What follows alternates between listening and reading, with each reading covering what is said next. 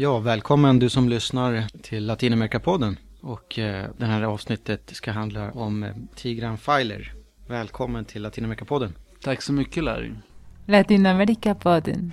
América Latina. Perú y pa' Venezuela, Costa Rica y Panamá, Guatemala, El Salvador, Chile y Uruguay, Colombia y Argentina, Brasil y Paraguay, y las Vírgenes Canarias, Ecuador y Trinidad. Tigran Filer är frilansjournalist som jobbar med Latinamerikabevakning åt Sveriges Television.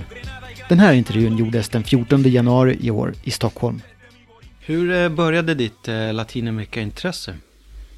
Det är svårt att hitta kanske en exakt punkt där när ett intresse börjar. Eh, Som ofta så är det liksom en lång process och intresset växer så att säga med åren. Men jag tror att för, för min del så började det mycket med språket, med spanskan. Jag var i och för sig redan eh, 1995 så var jag första gången i Latinamerika. Då var jag i, i Colombia på ett kort besök bara. Och, och det var ju... Vad sa du? Nej, okej. Vi sitter på ett café här så det, det är därför det låter som ett café också ibland. Ja, men jag var då i Colombia, var första gången, första gången jag var i Latinamerika var jag i Colombia 1995. Och efter det så började jag läsa spanska på gymnasiet här i Stockholm och blev mer och mer intresserad av den spansktalande världen överhuvudtaget. Sen så efter att jag gick ut gymnasiet så gjorde jag en långresa i Latinamerika, ett halvår ungefär. Sen kom jag tillbaka till Sverige ett tag. Och sen så bestämde jag mig för att flytta till Mexiko för att lära mig spanska ordentligt. Eh, och så bodde jag i Mexiko ungefär två år i början på 2000-talet. Och sen dess så har det bara rullat på kan man säga och blivit eh, mer och mer. Sen så jobbade jag ett tag med för en researrangör som arrangerar resor till Latinamerika och var ansvarig för, för Latinamerika och reste mycket fram och tillbaka. Sen bodde jag en period i, i Colombia, läste en masterutbildning där. Men, men om vi backar bandet då. Den här första resan till Colombia 95. Varav denna resa? Då åkte jag med mina föräldrar. Ehm, Så vi var där, min pappa skulle göra några jobb. Och sen reste vi runt i, till olika städer. Vi var i Bogotá, vi var i Cali. Vi var i Cartagena uppe vid Karibiska kusten och så var vi i Leticia nere i, i Amazonas. Och, eh, men då kunde du ingen spanska i princip? Nej, nej, det var ju liksom en, en turistresa för min del. Så att det var, då var allting nytt. Men jag har ändå väldigt så här, vissa väldigt klara minnen och sådär såklart. Eh, bland annat från, från Cali där det på, på väggarna så satt det såna affischer. Man letade då efter eh, de här högst ansvariga inom Cali-kartellen som då var den absolut mäktigaste eh, knarkkartellen i, i Colombia och i världen förmodligen på den tiden. Eh, så att så, sådana minnesbilder finns, finns kvar. Mm. Och, och dina föräldrar, din pappa är konstnär så det var, han var där som konstnär, eller hur? Ja, han hade några, några spelningar, några konserter. Ah, han är Mm, musiker också. mm. Okej. Hur, hur länge det sa du att ni var där då? Nej, det var väl en två veckor eller något sånt där. Mm. Det, var, det var ingen lång resa. Okej. Vad heter det? Ibland så ärver man ju egenskaper av sina föräldrar. Din, far är alltså musiker och, och konstnär. Din mor då, är hon journalist eller? Nej, hon är, hon är bildkonstnär. Okej. Så att jag vet inte var journalistiken är väl mer, tror jag för min del. Jag har liksom alltid rest mycket och tycker väldigt mycket om fortfarande att resa. Och, jag tror att alla de intryck och möten och sånt som man samlar på sig har man kanske känt ett behov av att eh, kanalisera och uttrycka på något sätt. Och då, då tror jag att det var så att det blev, eh, blev journalistik. Eh, till en början så var det framförallt då att jag skrev artiklar eh, till olika Eh, tidningar och tidskrifter och sådär. Eh, och sen så med, med tiden så, så har det blivit mer och mer tv. Så nu senaste åren så är det framförallt då eh, tv som jag har, har jobbat med. Mm. Hur kom det sig att du tog steget från eh, skriven journalistik till tv-mediet? Nej, det var framförallt eh, på grund av att jag träffade Sara eh, Cortez som jag började samarbeta med och, och nu lever vi tillsammans och eh, ja, gör nästan alla jobb tillsammans. Då. Hon är fotograf och, och redigerare och, och är reporter så att det, det passade sig väldigt bra liksom. Det blev ett, ett team av det hela. Så att, eh, och hon hade jobbat en del med tv innan. Sen har det blivit mer och mer av, av det samarbetet. Mm. Vad ser du för för och nackdelar då om du jämför som en skrivande reporter och, ha, och vara ett miniteam på två personer och, och rapportera från Latinamerika?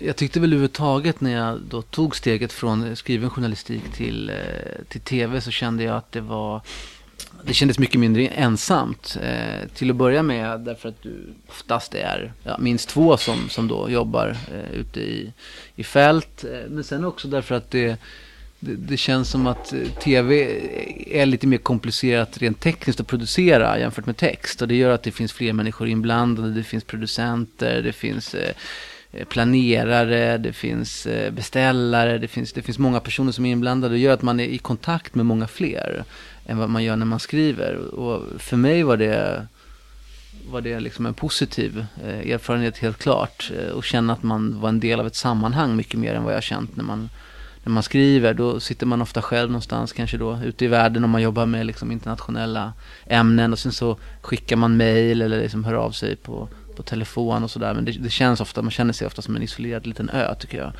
Eh, det kan man göra såklart när man jobbar med tv också, men det, är ändå, det finns ändå mer av på något sätt lagarbete i det, det mediet. Så på det sättet tycker jag att det var väldigt kul, positivt när jag tog det steget. Mm. Men det är en klar fördel förstås, eh, att komma ifrån en känsla av ensamhet. Men om man tänker eh, nackdelar då, jag, jag vet nu när det var OS i, i Rio så var det, hörde jag talas om två tyska tv-team som blev rånade på all sin utrustning. Mm. Är det någonting som eh, spelar in i ekvationen på något sätt? Eh, när man går runt med dyr utrustning och, och, som verkligen också är nödvändig för att kunna utföra jobbet? Mm. Alltså jag har inte upplevt att det har varit något problem. Eh, nu jobbar vi i och för sig ofta med en väldigt lätt och liten utrustning som man kan ha i små väskor.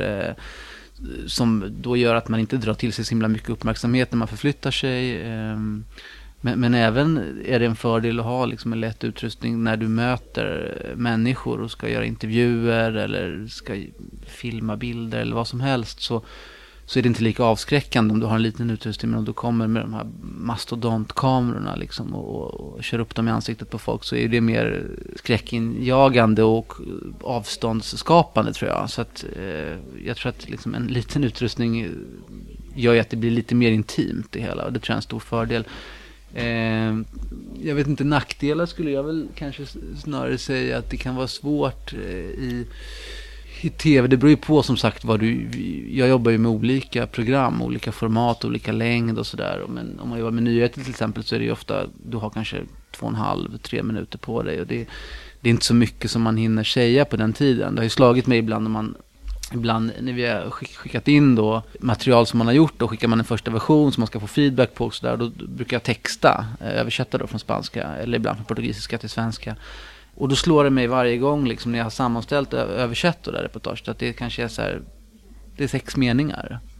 Och det får inte plats med det, för sen så har du då dina egna speakertexter och, och, och du behöver luft emellan, du har bilder och sådana saker. Och då blir man liksom medveten om hur lite man får plats med, hur lite man kan säga då i ett sånt här eh, nyhetsjobb. Eh, och där så är det klart att det finns på vissa sätt en fördel för det skrivna ordet och skrivna journalistiken att du har mer möjligheter att förklara, kanske att bre ut dig och, och kunna mm. Eh, gå djupare in i, i, vissa saker. Och framförallt abstrakta resonemang och sånt som kan vara svårare att, gestalta och levandegöra i, i rörlig bild. Mm. Men så, så ni tar inte hänsyn till säkerhetsfrågor då? Att, utan ni kan spela in en, en ståuppare mitt på, på gatan i slumkvarter i, i Mexico City. Ja, nej, men det, det, har vi absolut gjort. Alltså, men, och jag har ju nästan aldrig egentligen känt sådär, känt mig hotad när jag jobbat. Det är väldigt sällan. Eh, men det man gör ofta, eller det jag framförallt tycker om att göra, jag jobbar ju nästan alltid jag använder mig av då eh, kontakter och personer som jag litar på eller personer som jag kanske känner sedan tidigare, eh, bekanta eller vänner eller rekommendationer och sådär och genom, alltså det är sällan som jag åker ut i ett då utsatt område kanske som då har rykte om sig vara farligt utan att ha, känna någon och bara ställa mig på gatan och det skulle jag inte göra. Mm. Utan då ser man till att man är där liksom, i ett sammanhang och, och det är man ju oftast ändå för man vill ju göra någonting, en intervju eller man gör, liksom studerar någonting, ett, ett fall eller någonting. Och då, då är det ju ofta att du kommer då genom en, eh, ja, men en organisation som jobbar där eller en, vad vet jag, någon akademiker som, som studerar den här frågan eller någonting. Och då, det, det känns ändå som, ett, som det, liksom det bästa skyddsnätet på något sätt. Det är den lokala förankringen. Det är det som gör att man, att man kan jobba. Absolut. I ditt jobb, vad är den största utmaningen eller svårigheten?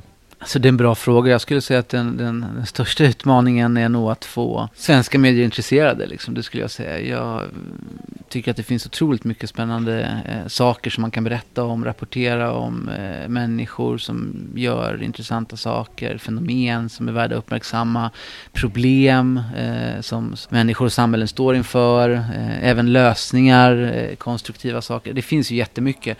Det gäller ju att hitta, hitta intresset och framförallt kanske att väcka intresset. För det är inte bara så att det ligger på på något sätt eh, uppdragsgivaren utan där tror jag också att man, att man hela tiden måste bli bättre själv på att eh, på något sätt kunna liksom förklara och visa varför eh, de här sakerna är intressanta och är relevanta även fast det handlar om ett land långt borta eller någonting som folk kanske inte känner till eller eh, en kontext som kan verka väldigt främmande så tror jag att man får jobba och hitta de här broarna, de här liksom, eh, punkterna som, som gör att man kan skapa ett intresse och att man kan då också få, ja, få utrymme för att rapportera om de här sakerna. Ja, många latinamerikanska journalister då, inhemska, de, eh, många är ju anonyma. I alla fall om man kollar på dagstidningar så är det ju ganska ofta som det inte är bylines, alltså skribentens eh, underskrift. På grund av eh, att man kan råka illa ut. Det är mycket farligare eh, att vara journalist i Latinamerika än i, i Sverige. Hur, eh, hur ser du på liksom den formen av säkerhetsaspekt? Alltså eh, när du jobbar i Latinamerika så tänker du på att du eller någon du intervjuar kan råka illa ut för vad de säger? Det är klart man tänker på det och det är klart man har haft eh, diskussioner och samtal och sådär om de frågorna. Nu tror jag att just eftersom man också jobbar liksom med då svenska medier så tror jag att den risken eller den utsattheten är, är mindre än om man hade jobbat för spanska medier eller medier i USA eller sådär på ett större språk som lättare får spridning. Och, men det är klart att det finns eh, situationer där det kan vara känsligt och där får man ju vara väldigt tydlig från början med dem man intervjuer och sådär. Och det, det är ju vi alltid. Vi förklarar ju alltid vad det, vad det handlar om, vad det är för sammanhang och att de ska vara medvetna om vad det är de ställer upp på och vad det är mer de ska medverka i. Men jag tycker nästan alltid att det är så att folk vill vara med, även folk som kan ha en hotbild mot sig. och så här. Men de oftast är väl liksom, de flesta människor möter är ju väldigt modiga och, och, och vill att deras situation eller det, det de har att berätta ska komma ut. Ehm, och då vill man ju samtidigt också jag menar, hjälpa dem att, att få berätta det här, att få, få, få ut det de, de vill säga och sådär. Så att eh, vi filmade till exempel här i höstas en, en kvinna för, för korrespondenterna, då, programmet på SVT. En kvinna i, i, i delstaten Veracruz i Mexiko som eh, hennes dotter försvann för ungefär fyra år sedan och eh, hon har då varit väldigt aktiv i att leta efter sin dotter såklart men även att organisera då och skapa nätverk bland andra anhöriga som har förlorat släktingar och sådär. Eh, och hon har ju utsatts för massa hot och verkligen liksom lever med livvakter och, och eh, en väldigt utsatt situation. Men, men jag menar hon pratar ju med media hela tiden. Hon vill ju eh, prata så mycket som möjligt och hon har också på grund av det hon har upplevt tror jag helt förlorat liksom rädslan eh, eh för sin egen säkerhet. Eh, men det är klart det är komplexa, det är komplexa frågeställningar. Eh, men jag tror att eh, jag har nog tänkt mer på det vad det gäller de man träffar, de man intervjuar än vad det gäller min egen säkerhet. Den tycker jag oftast känns som att eh, den är ganska, så att säga... Befintlig eller? Ja, alltså, det, ja alltså jag, ser inte, jag känner inte att det är någon stor liksom, säkerhetsrisk. Jag tror att liksom, om man ska titta på det rent så här, objektivt tror jag att den största risken är att man åker, råkar ut för en trafikolycka eller att man blir bestulen på sina grejer.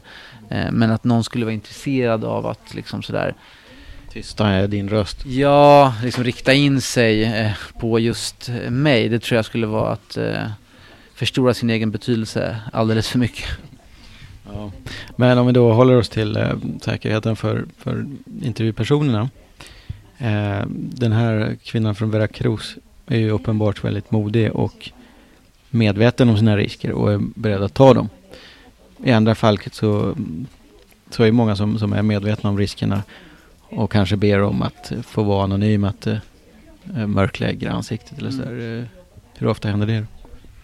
Nästan aldrig. Eh, men jag tror också att det handlar om vilken typ av, av journalistik du, du jobbar med. Och jobbar du med då till exempel Latinamerika för svenska medier, då är det sällan du gör den typen av granskningar eller avslöjanden. Utan därför att du har inte den liksom, bevakningen där du gör jobb varje dag eller följer upp så, frågor på det sättet som man kanske skulle göra med ett, jag vet inte, en, en politisk skandal eller alltså, utan det blir mer att du du försöker att, att eh, teckna en större bild och visa på eh, eh, snarare kanske tendenser och, och eh, vad som händer i samhället och, och ja, försöker greppa de här stora frågorna. Så att, och då eh, söker du framförallt upp personer som, ja, som vill medverka och som eh, jag tror att det, det handlar mycket om, om, om det, alltså den typen av, av av journalistik som man, som man gör. Eh, men det är möjligt att det, jag har faktiskt aldrig, aldrig gjort det, att vi har dolt någon egentligen identitet så. Eh, men det är möjligt att det kan bli, kan bli aktuellt någon gång om man, om man gör någonting om ett känsligt ämne som handlar om kriminalitet eller det kan ju vara sådana såna aspekter där folk, som du säger, inte vill liksom figurera med namn och ansikte. För det kan ju också vara, handla om situationer där man själv inser att den här personen, eh, trots att den är beredd att ställa upp i bild och, och, och sådär eh, inte inser sin egen fara. Att man, man som journalist måste se till att anonymisera. Tänker du på det någon gång? Så kan det absolut vara. Eh, så kan det absolut vara.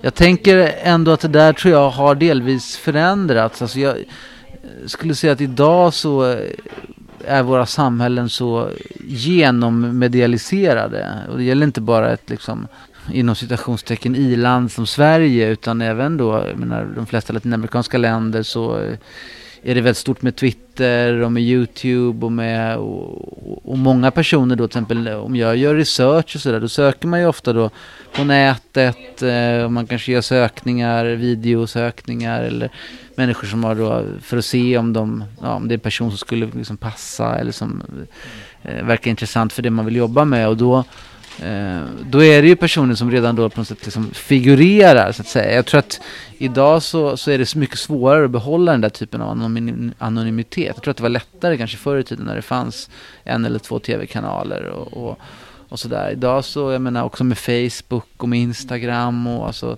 de flesta människor är ju liksom eh, publika på något sätt. Eh, men, men det är klart att det finns situationer där folk inte är medvetna om liksom, den spridning som saker och ting kan få. Att man, man gör en intervju ute i en, en by och de tänker att ja, men det här är ett material som jag ska ha på något sätt. Och de fattar inte att det kanske hamnar på, på någon videokanal på internet. Sen kan hela världen se det. Så det är klart att det finns den problematiken. Och nu när jag, när jag tänker på det så så gjorde vi faktiskt en gång en, en intervju eh, med eh, personer i en, en by i, i, sydvästra Colombia eh, som berättade då om olika typer av människorättsövergrepp och sånt i den här byn. Och då gjorde vi som en, det var som en kollektiv intervju. Och, och där var det så att det var många som inte ville och som naturligtvis då inte behövde eh, visa upp sina ansikten och sådär. Så, att, så att det är klart att det finns sådana situationer. Men jag tror att de blir färre och färre. Mm. Det är bara en, sån där, en, en, en känsla jag har. Ja. Men jag tänker på att eh, många av mina colombianska eh, vänner och bekanta har inte sitt riktiga namn på Facebook. Liksom. Eh, så att det finns ändå, känns det som, att det är mer försiktigt där trots allt med, med även på sociala medier folk som är förföljda av, av, av sin eh, egen regering och sådär. Absolut, absolut. Och, och, på det sättet är ju sociala medier är ju liksom både en välsignelse och en förbannelse. Liksom. Att det, det har ju verkligen möjliggjort att det är mycket lättare att vara i kontakt med människor i olika delar av världen och, och, att man eh, ja, kan kommunicera friare helt enkelt och inte lika beroende av institutionella kanaler och sådär. Eh, samtidigt som du säger så är det ju också en, en, en källa till säkerhetsrisk och, och och där många tror jag inte heller är medvetna, inte ens vi är medvetna om eh, alla de kanske risker som finns eller hur transparent allting är och hur liksom, exponerad man, man är och kan bli. Eh, så att det är klart det är, är ju jättestora frågeställningar och, och problemområden. Liksom. Men jag tror att, att, att, eh, som sagt i, i mitt fall då så, så också, jag gör ju mycket också jobb som handlar om mer eh, alltså kulturrelaterade frågor och sådär och för kanske menar, för ett litteraturprogram som Babel eller för ja, men, den typen av, av jobb också. Och då är det ju en helt annan, helt andra ämnen liksom och då är ju inte de frågeställningarna kanske så, så relevanta exakt. Utan det som sagt beror ju mycket på vad det är för jobb man ska göra. Mm. Har du något eh, favoritland eller region i Latinamerika? Ja, men det är väl klart man har liksom. Och det där tror jag är väldigt formas av men, ens, egen upp, ens egna upplevelser och vad man har, i mitt fall vad jag har varit mest. De länder som jag har mest relation till och som jag tycker bäst om att besöka, det skulle jag säga är Mexiko och Colombia. Eh, och det är ju naturligtvis så eftersom jag har bott i de länderna och jag, har, jag kan dem bäst och jag följer dem närmast och då, då blir det liksom speciellt då att vara där. Eh, jag tror också att det där liksom med tiden förändras och man reser mycket och så i början så vill man kanske hela tiden resa till nya platser.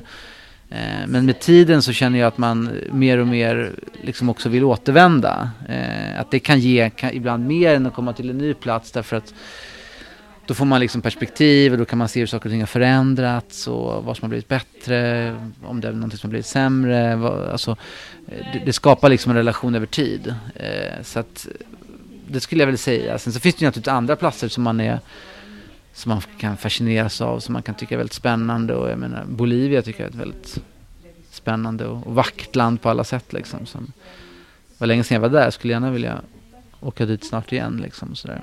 Eh, men sen så styrs det ju då också av, i mitt fall då också av, av, av jobb då, vilka eh, länder som man bevakar och sådär. Och där tror jag också att det blir naturligt, om man jobbar då med nyheter i alla fall, så blir det ju naturligt också ett fokus på de större länderna som har lite mer då tyngd eller vad man ska säga i regionen ekonomiskt, politiskt. Eh, och då är det ju de, jag menar, de tre största länderna är, är ju Brasilien, Mexiko och Colombia eh, befolkningsmässigt. Eh, och eh, jag tror att det är tre länder som det kommer att fortsätta att vara liksom stort fokus på, om man nu kan prata om stort fokus i Latinamerika, det kanske man inte kan göra överhuvudtaget, men, men relativt sett så är det ändå, tror jag, tre länder som vi kommer fortsätta att höra mycket om eh, och som jag kommer att vistas i liksom framöver. Eh, Brasilien var ju väldigt mycket fokus på i fjol och såklart på grund av den här riksrättsprocessen och korruptionsskandalerna eh, som var. Eh, Colombia har också varit mycket fokus på på grund av fredsavtalet som har undertecknats på grund av Nobelpriset för president Santos. Eh, och Mexiko är det mycket fokus på nu på grund av Trump och, och den liksom friktion som finns nu mellan USA och Mexiko. Och jag tror att 2017 kommer bli ett år där det kommer vara mycket fokus på Mexiko framförallt. Eh, men även på Colombia och Brasilien då för att följa upp det som har hänt där. Då, dels med fredsavtalet då i Colombia och i Brasilien då följa upp vad som händer med de korruptionsskandaler som fortfarande är i liksom upprullning eh, och för att se vad som händer nu efter Dilma Rousseff så att säga. Och nu tar vi en kort liten paus för ett budskap från eh, organisationen Klock, La Via Campesina.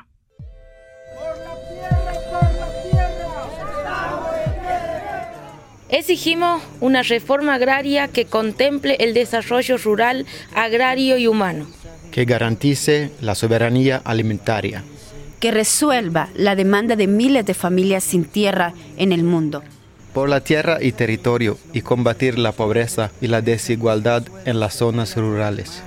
Campaña por la reforma agraria integral y popular ya. la, la, vía campesina.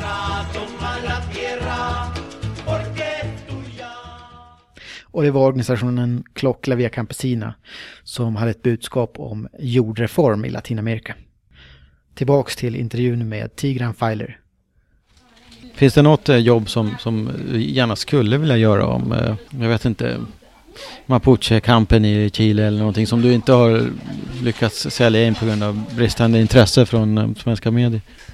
Nej, men alltså det, jag, får, jag har ju idéer hela tiden, nya idéer. Så jag, jag, jag har liksom olika listor där jag skriver ner alla sådana idéer som jag har. Och sen så får man vänta på, försöka hitta rätt tillfälle, rätt konjunktur, eh, rätt sammanhang. Och så får man försöka få, få in det där. Så att eh, jag vet inte om jag har något sånt där särskilt men eh, kan väl tycka till exempel att eh, det finns vissa ämnen sådär som man borde tycker till exempel att eh, klimatfrågan är ett sånt ämne som jag tycker att man, man borde liksom rapportera mer om, bli bättre på själv liksom även men, men också att försöka hitta mer intresse för det. Därför att det är ju en eh, och jag tror att det kommer bli mer och mer så att om man tittar på de frågor tror jag, som kommer att som liksom framöver så, så är det frågor som är globala till sin natur. Eh, migration har varit mycket fokus på senaste åren här i Europa och nu är det också mycket fokus på det kopplat till Trump och Latinamerika och sådär.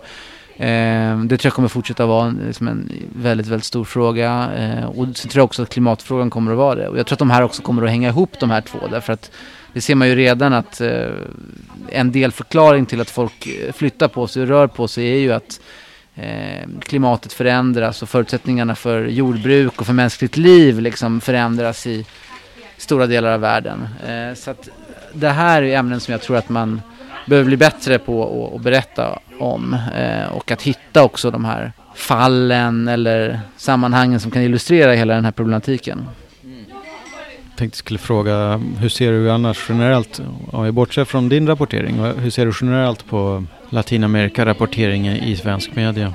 Nej men det första man får säga är ju att det fortfarande känns som att det är alldeles för lite, om du frågar mig. Eh, det händer ju väldigt, väldigt mycket saker och väldigt mycket intressanta saker som man skulle vilja att det rapporterades mer om, berättades mer om. Det är väl det första. Sen så tycker jag väl kanske att det är lite bättre idag än vad det var för, Eh, jag vet inte, jag skulle säga att kanske för 8-10 år sedan. Det här är en helt subjektiv betraktelse men skulle jag känna att det kanske var som, som, som minst. Nu tycker jag, har jag ändå någon känsla av att det är lite på väg upp. Att det finns i alla fall en liten grupp personer men som är ganska aktiva eh, och, och, som rapporterar. Och, och, och, det är ju som ett område också att desto på något sätt mer som görs, desto mer blir det. Intresse föder mer intresse. Jag tror att det är ju inte som man skulle kunna tro liksom vid första anblicken att ja, men om det är någon som gör någonting, då är det gjort och då kommer ingen annan göra. Så tror jag inte att det funkar, utan det känns mer och mer som att det är så att jag menar, olika medier tittar ju på varandra och, och känner jaha men har de gjort det då vill vi, vi vill ju inte vara sämre, vi vill också ha någonting därifrån och sådär.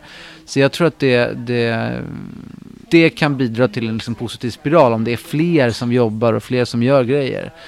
Sen så är det klart att det är, jag menar, det kommer alltid kännas som att det är för lite för någon som är väldigt insatt. Det tror jag är undvikligt liksom. Därför att det är ju en, det är en jätteregion och det är eh, massor med olika länder. Och nu pratar vi ju huvudsakligen om de stora länderna. Och pratar vi om de mindre länderna så är det ju, jag menar, hur ofta hör du någonting i svenska medier från eh, Paraguay eller från Dominikanska republiken eller från, eh, jag vet inte, Panama liksom. Det är ju aldrig i princip. Men jag tror att, jag tror att liksom, till viss del så måste man också förstå att om man har ett särintresse så kommer man aldrig kunna känna att, eller särintresse kan jag inte säga, men om man har ett specialintresse så kommer man aldrig kunna säga att att uh, man kommer aldrig känna att det kan tillgodogöras av svenska medier. Jag menar, jag, vad gäller Latinamerika så, så jag menar, jag tittar ju inte i första hand på svenska medier utan jag tittar i första hand, eller får framförallt min information från spansktalande medier i första hand och, och till viss del även engelskspråkiga medier liksom. Och sen så ibland så, så, så svenska medier där det också görs bra grejer liksom. Så att, men, men eh, jag tror inte man kan räkna med att det kommer att finnas någonsin en, en, en gedigen och heltäckande bevakning av liksom, eh, det politiska läget i, i Uruguay och Ecuador. Liksom. Det, dit, dit kommer vi inte komma. Eh, däremot så kan man ju hoppas på att det, att det kan bli ännu mer ändå av en liksom kontinuerlig och permanent närvaro. Det, det kan man hoppas på. Mm den generella mediebilden av Latinamerika, eh, hur skulle du karaktärisera den? Ja, precis. Det är en, en svår fråga. Alltså jag, men jag tror att det finns ett eh, problem eh, och som också är en delförklaring till varför det har varit ganska lite rapportering från Latinamerika under de senaste kanske tio åren liksom, i Sverige. Och det tror jag har att göra med att alla liksom, regioner i världen har någon sorts övergripande narrativ kring sig, någon berättelse.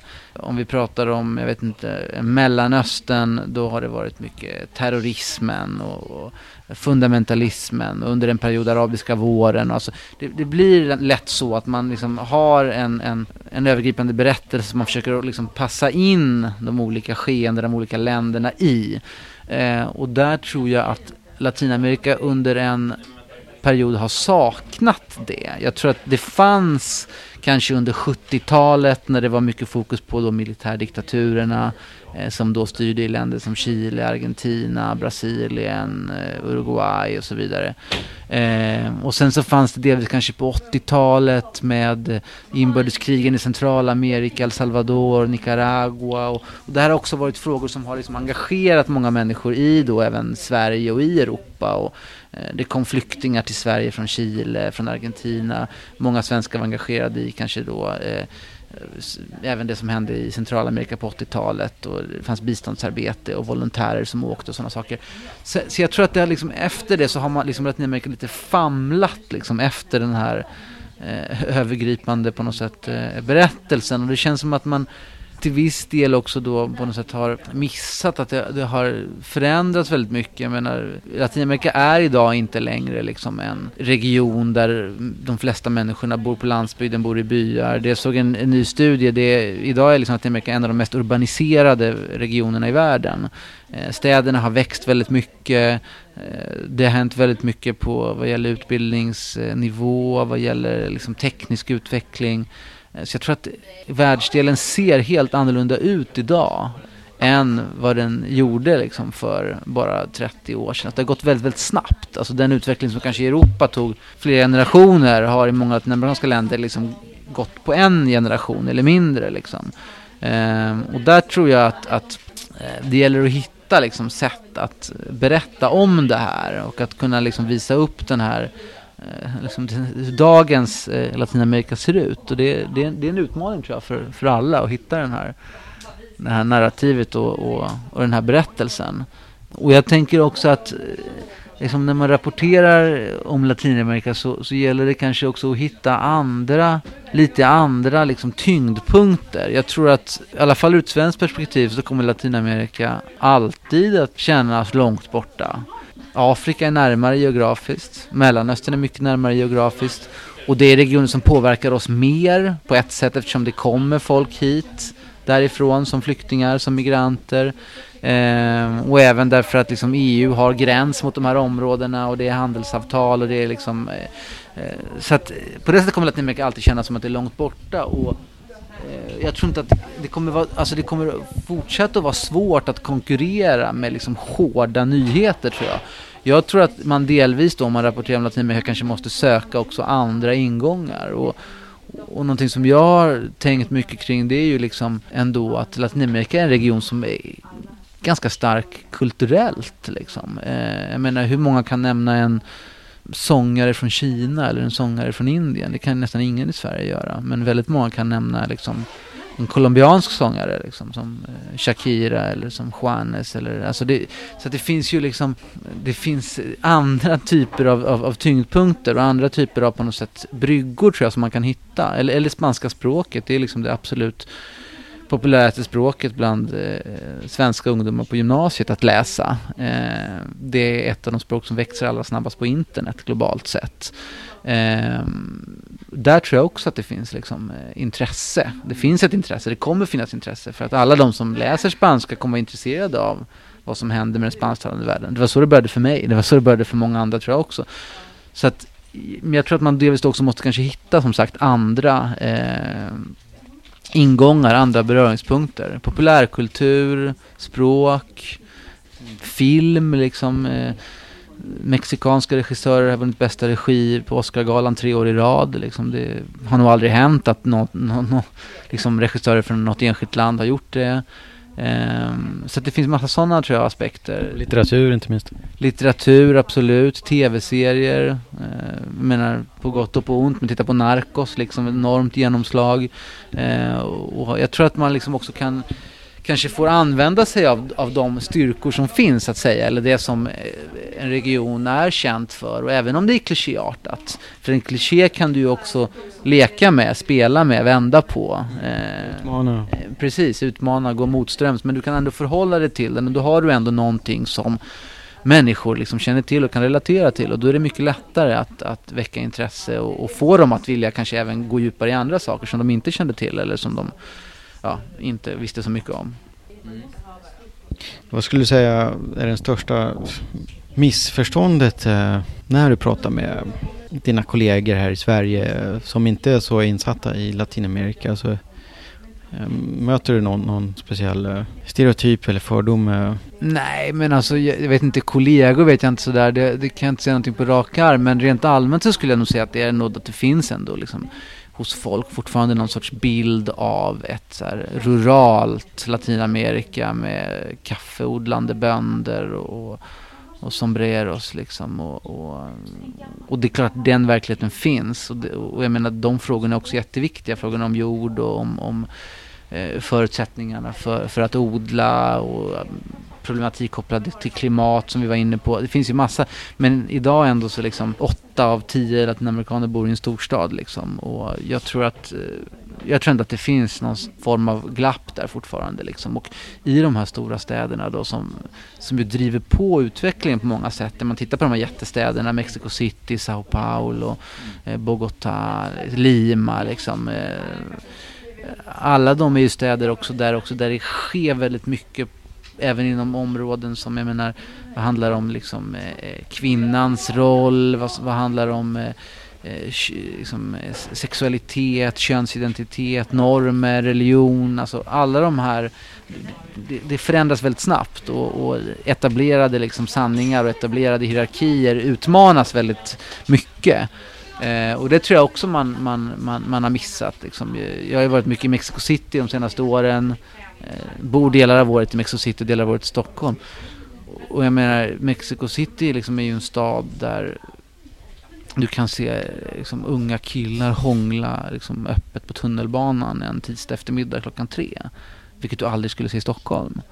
Eh, så att, eh, och det där tror jag är någonting som, som, eh, ja, men som jag tror att man, man har, många har missat, liksom, eller som många inte känner till. Sen betyder inte det att det inte fortfarande liksom är i det stora hela liksom, konservativa samhällen och det är fullt med hatbrott mot liksom, eh, hbtq-personer och, och, enorma problem med våld mot kvinnor i nästan alla amerikanska länder och sådär. Men, men det sker ändå så snabba förändringar och de här sakerna utmanas hela tiden. Och det finns de här fickorna liksom och de här utrymmena framförallt i de här jättestäderna där det, du kan hitta platser som är liksom långt mycket mer liberala än vad Stockholm är eller Södermalm som vi sitter på nu. Jag var ju i Sao Paulo i fjol och, Alltså det känns som att de är långt framme alltså i tiden vad gäller teknologisk utveckling till exempel. Kommer ihåg bara för att komma in i bostadshus så var det så här. Det var inte nycklar längre utan det var bara tumavtryck liksom. Så det känns som att den bilden också att här, men på vissa platser i Latinamerika så är de långt framför oss. Och det kan också vara svårt att ta till sig. Absolut, och det är också någonting som kanske man måste liksom bli bättre på att skildra också. Att det, det är de här extrema kontrasterna och de här liksom parallella verkligheterna. Där man å ena sidan kan se det som du berättar om då, otroligt högteknologiskt och avancerat. Och, och så kan det vara några kilometer därifrån så kan det vara liksom sämre levnadsstandard än vad det var i Sverige på liksom slutet på 1800-talet. Och eh, det är någonting som är, det är en utmaning liksom att kunna eh, spegla båda de här verkligheterna som båda är sanna såklart. Eh, och som hänger ihop och som liksom stöts mot varandra och mycket liksom av de problem som vi ser också i Latinamerika som är kopplade till kriminalitet och till våld och sådana saker. Där kan du ju hitta delförklaringar också till det i de här enorma kontrasterna och att de här liksom parallella verkligheterna kan verkligen leva så sida vid sida. Eh, och att det naturligtvis skapar massa spänningar och laddningar. Mm. Uh, imorgon åker du till Mexiko. Och eh, du sa att du brukar bo ett halvår i, i Mexiko och sen jobba ett halvår från Sverige. Oh, kan, kan, du bara berätta vad som händer här framöver i, i, i ditt liv? Imorgon bitti så, så flyger jag till, till Mexiko och ska vara där då över, eh, över Trumps installation Eh, som äger rum nästa vecka. Och sen så kommer planen att, att, att vara i, i Mexiko under våren liksom. Eh, eller ha det som bas i alla fall. Och sen så kommer det bli kanske, eller förhoppningsvis, förmodligen, lite avstickare därifrån också till andra delar. Men, men basen är, är liksom i, i, i Mexico City. Eh, och jag tror som sagt att det kommer att vara, bli mycket fokus på Mexiko på grund av Trump. Eh, och det kan man ju tycka är lite ironiskt liksom, eller sådär att det krävs någonting i USA för att man ska få möjlighet att uppmärksamma Latinamerika ordentligt liksom. Men, men det är väl bara att, och, och, och, i så fall eh, dra nytta av det och passa på och berätta om, om massa intressanta saker som ändå finns kopplade till det här. Eh, och jag menar det är ju ändå unikt det som händer liksom så mycket som Trump pratade om om Mexiko i valkampanjen. Det tror jag aldrig har skett liksom, i en amerikansk presidentvalskampanj och han fortsätter med det nu liksom, efter valet också, efter sin valseger och sådär. Eh, så att det kommer nog bli en, en, en stor fråga helt klart. Eh, men som klart finns det ju mycket annat som, som man är sugen på att följa upp liksom, eh, implementeringen av, av fredsavtalet i, i Colombia, hur det ska gå. Eh, Farc ska lämna in vapen sina vapen. Hur kommer det att gå med det liksom? Eh, jättemycket utmaningar där. Och så massa annat kul. Massa annat spännande. Sen är det ju, jag tänker bara att, att ha sin bas i Mexico City. Det är ganska långt från resten av Latinamerika eftersom det är det mest nordligare. Närmare till USA. Men å andra sidan är det ju en gigantisk stad att det finns bra flygförbindelser. Sen så är det ju så också att eh, det som jag gillar väldigt mycket med Mexico City är ju att det är verkligen en världsstad. Det är inte så många latinamerikanska städer som jag skulle säga som har den känslan. Det är, ja, Sao Paulo kanske, eventuellt Buenos Aires, men, men Eh, Eh, ja, de tre kanske. Eh, men, men framförallt skulle jag säga Mexico City. Liksom, det är den största staden i den spansktalande världen. Så att det är också ett, ett otroligt liksom, kulturellt centrum. Och även om det som du säger naturligtvis, ska du flyga ner till Brasilien och Argentina, då är det ju liksom tio timmar tar det ungefär. Det är ju enorma avstånd. Eh, men det är ändå en sån här liksom, en knutpunkt och det finns ju jättemycket folk från alla delar av Latinamerika i Mexico City. Jag har massa vänner, liksom, colombianska vänner och, och eh, jag känner folk från Argentina, från Uruguay, från, från olika då, från Kuba som bor i Mexico City.